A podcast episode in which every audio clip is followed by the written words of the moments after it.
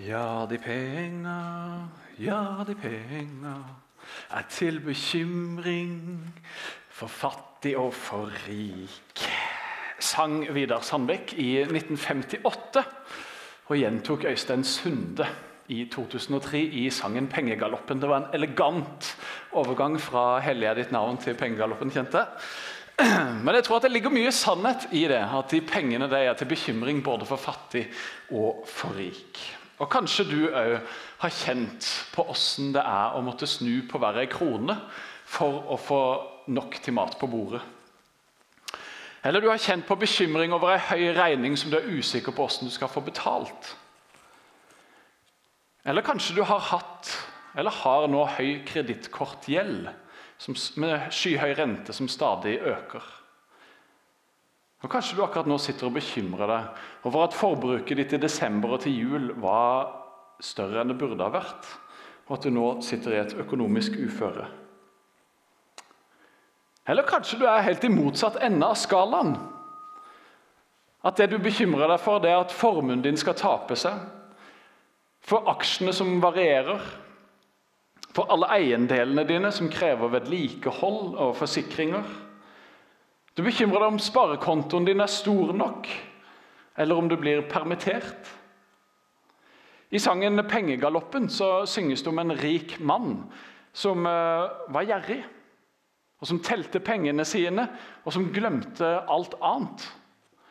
Og så Til slutt så gikk det med han sånn som det går med oss alle. Han døde. Og Formuen hans den ble selvfølgelig igjen. Han fikk aldri brukt den. Noe av det som bekymrer oss mennesker mest, det tror jeg er økonomi. Og Noe av det som tærer mest på samliv, det er økonomiske utfordringer. Og De aller fleste av oss har et nært forhold til økonomi og til eiendelene våre. For min og vår families del da, så har vi egentlig helt siden korona dukka opp, aldri hatt det mer romslig økonomisk enn i den tida. Vi har eh, alltid klart oss, men vi har aldri hatt veldig mye ekstra å gå på heller. Men det har vi da hatt de siste månedene. Når, når januar er over, så vet vi ikke lenger. Eh, det har seg sånn at Kona mi Maria hun har et vikariat som går ut i januar, og hun har valgt å ikke forlenge det. Eh, så etter januar så vet vi egentlig ikke mer hva som skjer. Og Det kan jo gjøre noen og enhver litt tankefull og bekymra. Men vi opplever at det er det riktige å gjøre. Og vi tror at det vil ordne seg. At det er ikke økonomien vår, det er ikke inntekten vår som er det vi setter vår lit til, og det vi stoler på, eller det som bærer oss. Jeg kan absolutt mange ganger kjenne på en eh, frihet, en lettelse, når jeg har ja, det greit økonomisk, og når vi har det vi trenger og mer til. Og jeg kan kjenne på en bekymring og en engstelse når vi har dårligere når det er utfordrende tider. Men det er likevel ikke min grunnleggende trygghet i livet. Økonomi, hva har det å gjøre som tema i en gudstjeneste? tenker du kanskje? Penger og økonomi det er jo for mange noe privat. Og Kristne og penger det dreier seg vel oftest om innpåslitne forkynnere som skal prøve å dra pengene ut av ja, uskyldige til egen vinning. I hvert fall sånn satt veldig på spissen, og dessverre så stemmer jo det av og til.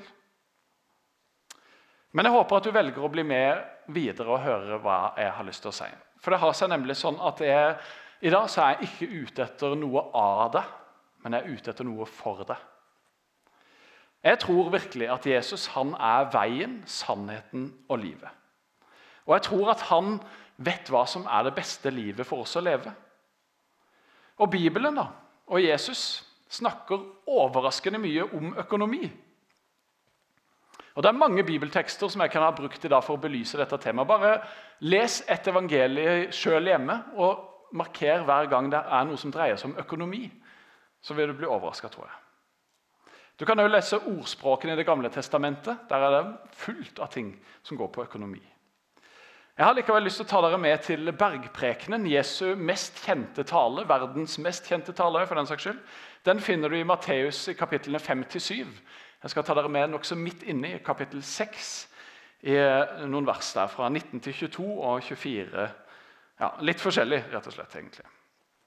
Og Der står det sånn i kapittel 19, da, eller vers 19.: Dere skal ikke samle skatter på jorda, hvor møll og mark ødelegger, og hvor tyver bryter inn og stjeler. Men dere skal samle skatter i himmelen, der verken møll eller mark ødelegger, og tyver ikke bryter inn og stjeler. For der skatten din er, vil òg hjertet være. Og På Jesu tid så var rikdom gjerne forbundet med dyre og fine klær.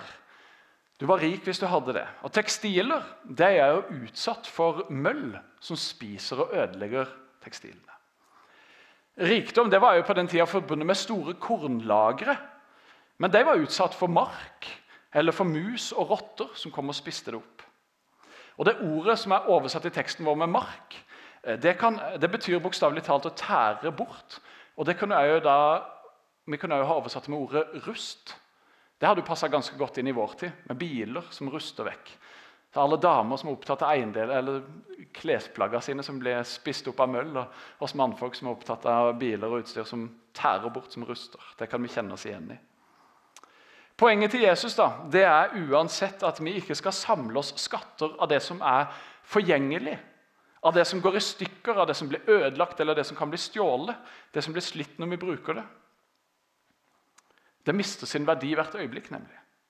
Vi skal heller samle oss skatter i himmelen, sier han. Og hva betyr egentlig det? For jødene som Jesus da snakka til, så var dette uttrykket veldig kjent å samle seg skatter i himmelen. Det betydde for deg to ting. Og det, for det første at Gode gjerninger som vi gjør her på jorda, det blir skatter som vi samler oss i himmelen. Og så I tillegg så fant, befant de, eh, forbandt de dette uttrykket med karakterstyrke. Det er det første jeg skal se på. Dette med å samle seg skatter i himmelen. altså gode gjerninger som vi gjør. For Det som Jesus mente og var sikker på, det var at det som selvisk blir karret til oss sjøl, det går tapt. Mens det som gavmildt gis vekk, det bringer oss skatter i himmelen. Som mennesker så blir vi født egoistiske, selviske. Vi tenker på oss sjøl og vi ønsker å sørge for oss sjøl og ha det mest og ha mest og, ha, ja, og få mer, egentlig, for den saks skyld. Men det er ikke det som gir oss lykke, eller som har den virkelige verdien, sier Jesus. Det som gir oss verdien, som gir oss lykke, det er det krevende og radikalt annerledes, nemlig å gi. Å være gavmild, å være uegoistisk, å være raus. Det å dele med andre. Det er så typisk Jesus å være omvendt å være annerledes. Men han ser at det er der vi finner den virkelige lykken og den virkelige verdien. Der samler vi oss skatter i himmelen. Og på den måten, ved å gi, så frir vi oss fra vår egen egoisme. Det å se utover oss sjøl, det å gi av det vi har, og det å dele med andre. Og Dette prinsippet det var det de første kristne levde etter. De som solgte alt de eide, og ga til enhver ettersom de trengte det. De første kristne de viste alltid kjærlig omsorg for de fattige og de syke. De som var i nød, og de som ingen andre brydde seg om. Og Det fortelles en historie under forfølgelsen av de kristne under keiser Desius. At de romerske myndighetene de brøt seg inn i en kristen menighet. Og De var ute etter å ta de skattene som de trodde at kirka eide. Vis meg skattene deres øyeblikkelig, beordra de diakonen Laurentius. Og Laurentius han pekte da på enkene og de foreldreløse som fikk mat. De syke som fikk stell, og de fattige som fikk sine behov dekka. Og så sa han dette er kirkas skatter. Og Dessverre så har nok vi kristne og kirkene etter hvert fått uh, stadig flere skatter som er forgjengelige, og som kan bli stjålet og tære bort. Men det kristne budskapet det har alltid vært at det vi beholder, det mister vi. Mens det vi gir vekk, det har vi. Og Det er et omvendt budskap. Men så er jo Guds rike og evangeliet på mange måter bakvendt land. I menigheten vår da, har vi et fantastisk arbeid som heter Rasteplassen. Et diakonalt utadretta arbeid. Og Der hjelper vi de fattige, de syke, de ensomme osv. Og, og der opplever vi igjen og igjen hvordan når vi øser ut til de som trenger det, så blir en så velsigna tilbake. En har alltid det en trenger. Og I rasteplassen så spinker de ikke og sparer ikke.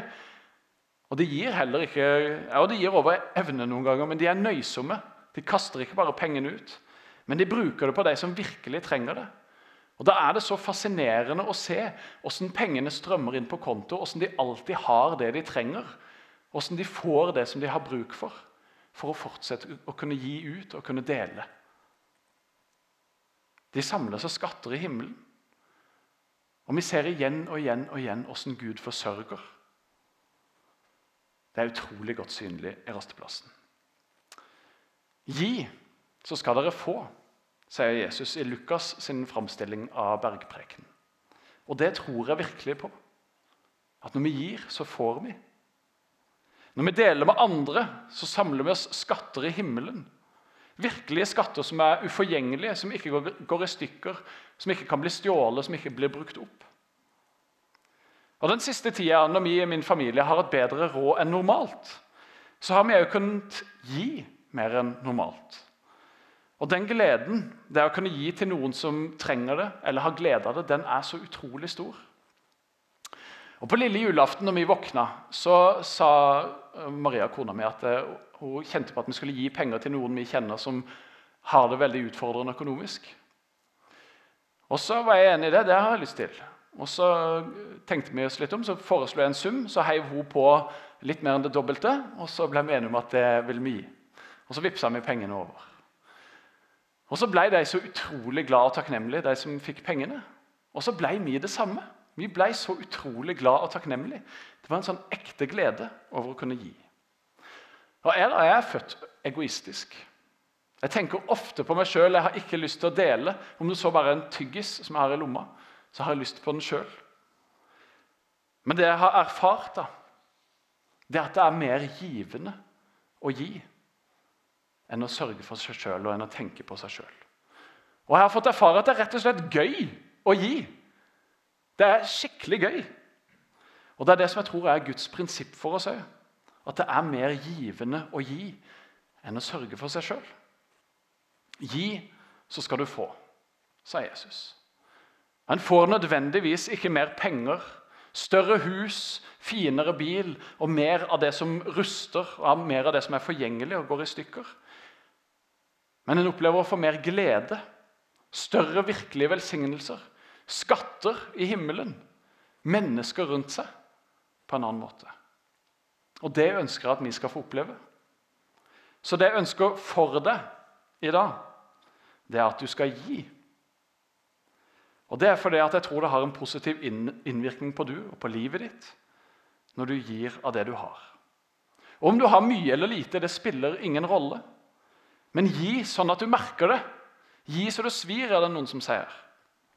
Gi sånn at det blir et offer for deg. At det ikke bare er en liten slump, men at det er noe som ja, du virkelig ofrer. Vi løfter fram tiende som et godt prinsipp her i menigheten. Altså Gi vekk 10% av det som du tjener. Og Da er det proporsjonalt i forhold til inntekten din om du tjener mye eller lite. Det spiller ingen rolle. 10% er 10% av det du tjener uansett. Og Hvis du sparer 10% i tillegg, og så lever på resten, så er overbevist om at du har det greit økonomisk framover. Så det er dagens tips. Dagens økonomitips. Et annet tips er at Hvis du strever med stor kredittkortgjeld og ikke vet hvordan du skal få betalt den, be om hjelp. Søk hjelp hos de som kan det. Hvis ikke du vet hvem du skal be om hjelp til, så kom til oss, så skal vi hjelpe deg og rute deg videre til noen som kan hjelpe deg. Men der hvor skatten din er, der vil hjertet ditt òg være, sa Jesus. Og hvor er skatten din? Hva betyr mest for deg? Er det jordiske ting som en gang tar slutt? Denne verden er ikke alt. Vi skal videre en gang når vi dør. Og vi får ikke med oss noe til evigheten av alle de tinga som vi har. Vi får med oss vår egen sjel, og vi får med oss andres sjeler. Og Da er det synd om alt vårt fokus ligger på ting som blir igjen her på jorda. Det som ikke vi kan få med oss. I vers 24 i teksten vår så sier Jesus at ingen kan tjene to herrer. Han vil hate den ene og elske den andre, eller holde seg til den ene og forakte den andre. Dere kan ikke tjene både Gud og mammon. Og Mammon er her personifisert og blir beskrevet som en avgud. Mammon det betyr materiell eiendom. Det en eier. Og Det var i utgangspunktet ikke noe negativt, det ordet. Og det å eie noe er jo i utgangspunktet ikke negativt. Men mammon fikk etter hvert betydningen av det en setter sin tiltro til.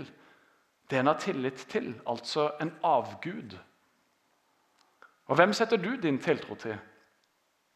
Er det Gud eller mammon? Skaperen av alt eller det skapte?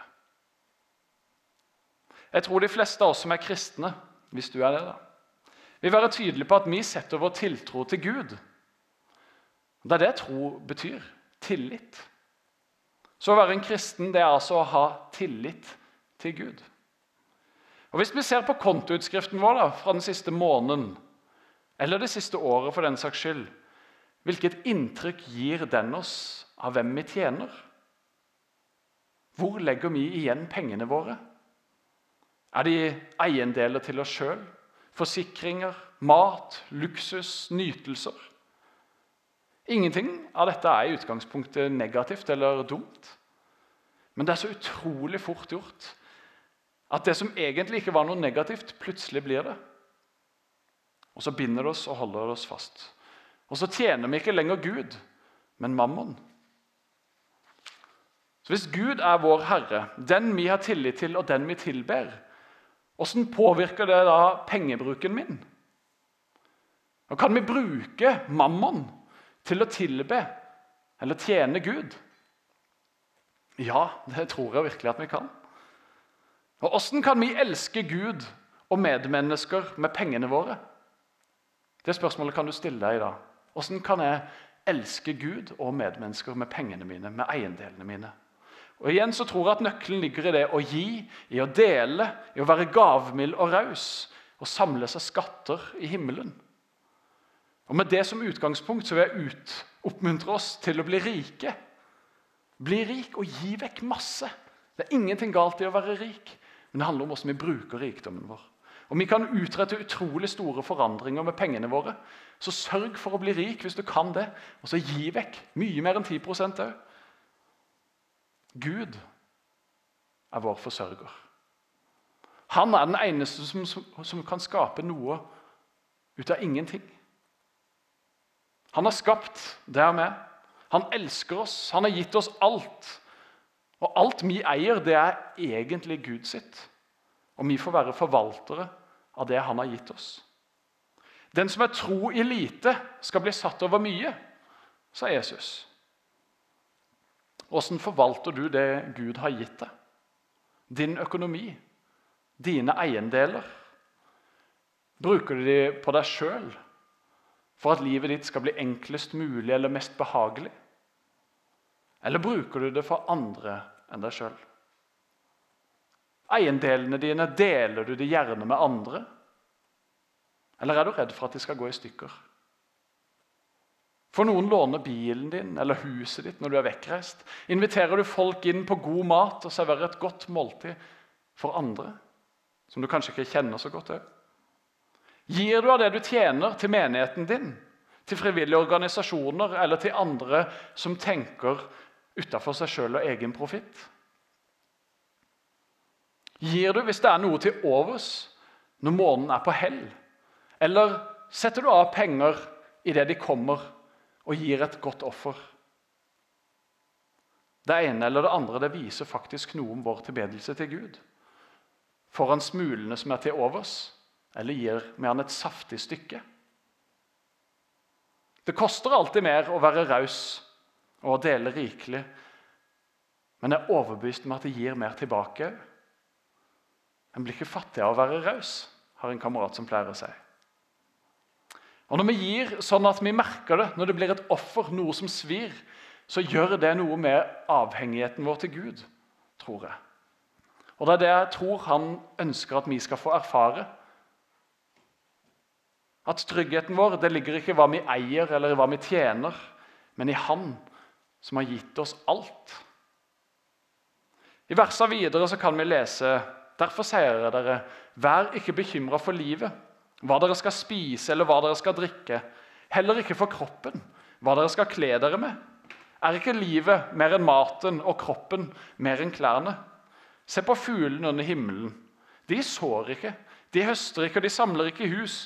Men den far dere har i himmelen, gir de føde allikevel. Er ikke dere mer verdt enn de? Så gjør dere ikke bekymringer og si ikke 'hva skal vi spise', eller 'hva skal vi drikke', eller 'hva skal vi kle oss med'? Alt dette er hedningene opptatt av. Men den far dere har i himmelen, vet jo at dere trenger alt dette. Søk først Guds rike og hans rettferdighet, så skal dere få alt det andre i tillegg. Så gjør det ingen bekymringer for morgendagen. Morgendagen skal bekymre seg for seg sjøl. Hver dag har nok med sin egen plage. Vi bekymrer oss mye. Og Så sier Gud at vi ikke skal bekymre oss fordi han har omsorg for oss, fordi han er vår kjærlige far som vet hva vi trenger. Og han har alt vi trenger.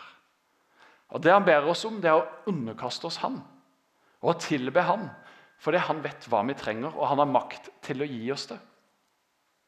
Og Ofte så setter vi likevel vår lit til det skapte, til det som er forgjengelig, til det som fort blir en avgud for oss, kanskje særlig når vi har mye av det. Og jeg tror Økonomien vår det er en av de mest konkrete måtene som vi kan vise tillit til Gud på og erfare at han forsørger. At vi kan ha tillit til han, at vi kan stole på han. Ikke ved å legge igjen alt som heter sunn fornuft, men ved å gi sånn at det svir. Virkelig viser Gud at vi har tillit til han ved å gi han det som er hans. Det er så fort gjort for oss mennesker da, å gjøre Guds gode prinsipper om til lover og regler til bud som en må følge. Du må sånn, eller du burde ditt. Men det er ikke det det handler om. Gud han er opptatt av oss og vårt liv. Og Derfor peker han på det som er det beste for oss, for livet vårt. Og Guds nøkkel til å bli fri fra marmoren, som så lett binder oss og holder oss fast, det er å gi og dele og gi slipp på materialismen. Bruke den heller til å tjene og til å tilbe Gud framfor å tjene den. Som jeg sa innledningsvis, så ønsker jeg ikke noe av det i dag, men jeg ønsker noe for det. Og Gud han er en giver, og Bibelen den er gjennomgående opptatt av å gi og å dele.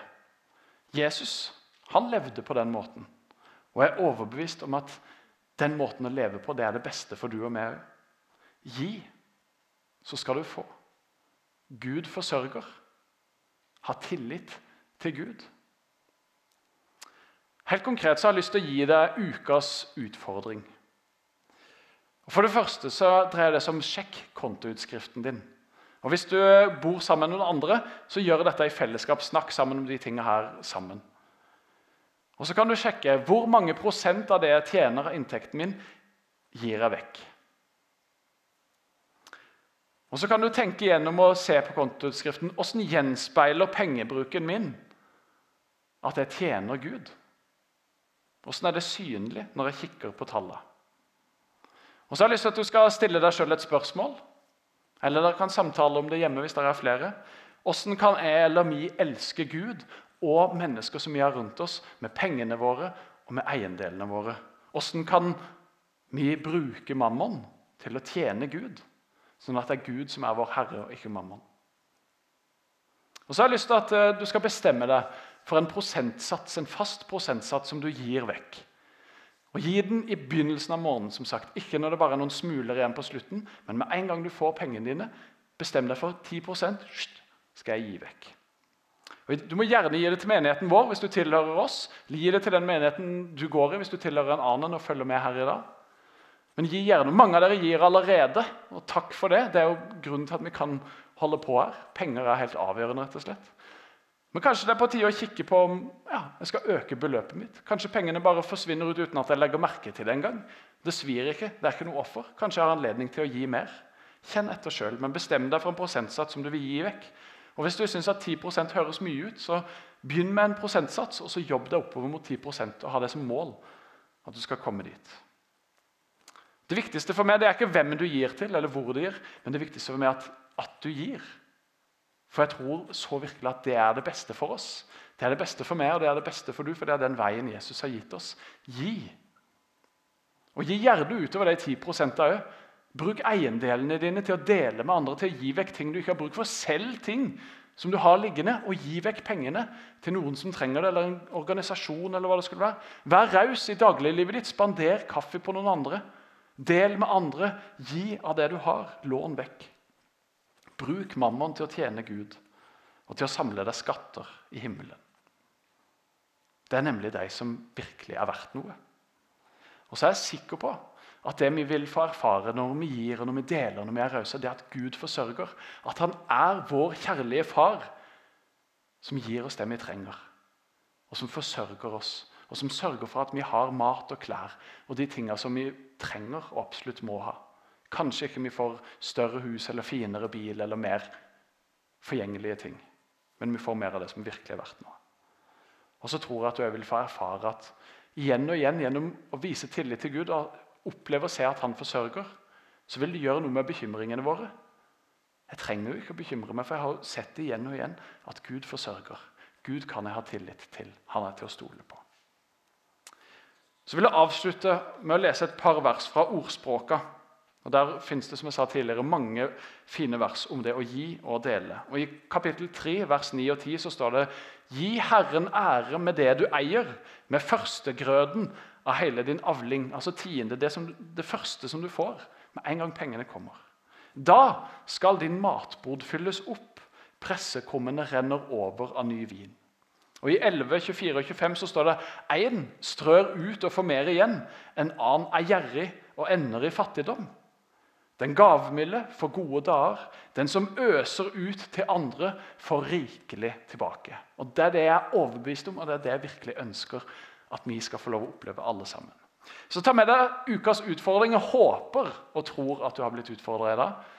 Og så vil jeg utfordre deg på å lese i Bibelen til å finne steder eh, der det handler om økonomi. Og jeg kommer til å legge ut eh, en oversikt over mange bibelsteder som du kan lese. Hvis du lurer på å gi til menigheten vår eh, og bli giver eller øke gaven din, så kan du gå inn på grimstadmisjonskirke.no på noe som heter 'Bli giver'. Der kan du lett bli giver, eller du kan eh, sende en mail eh, om at du ønsker å øke beløpet ditt. og Så får du en link, sånn at du kan gjøre det sjøl. Jeg har bare lyst til å takke til alle dere som er med og gir fast, og som har gjort det i mange år. Og som gjør at det er mulig for oss å drive denne menigheten og bety en forskjell for byen vår. Uten de pengene så hadde vi ikke kunnet bety den samme forskjellen. Alle barn og unge som vi samler her, rasteplassen som har gratis fasiliteter fordi at vi er med å gi, osv. Videre. så tusen, tusen takk for det du gir. og Jeg håper at du erfarer det, at Gud velsigner. Nå skal jeg be en bønn for oss. Takk, gode Gud, for at du er god. Takk for at du er vår kjærlige pappa og far. Takk for at du elsker oss. Takk for at du har gitt oss alt som vi har. At det er en god gave som du har gitt oss. At du har gitt oss det for å forvalte det på en best mulig måte. Må du hjelpe oss. Herre, takk for at du har lært oss veien om å gi, om å dele, om å være gavmild, om å gi tiende, gi av det vi eier, tilbake til deg, Jesus. Så at vi ser at du forsørger, at du gir oss det som vi trenger. At vi ikke trenger å bekymre oss for at du har omsorg for oss, og du har makt til å gi oss det som vi trenger i hverdagen vår. Om du velsigner den enkelte, Herre Jesus, må du hjelpe oss å ta utfordringer som du gir oss, på alvor. Om å ha tillit til det, om å stole på det, om å følge det. Òg når det gjelder økonomien vår og eiendelene våre. Helligånd, kom du og tal til oss og rør ved hjertene våre. Og ta imot vår takk og vår lovprisning i Jesu navn. Amen.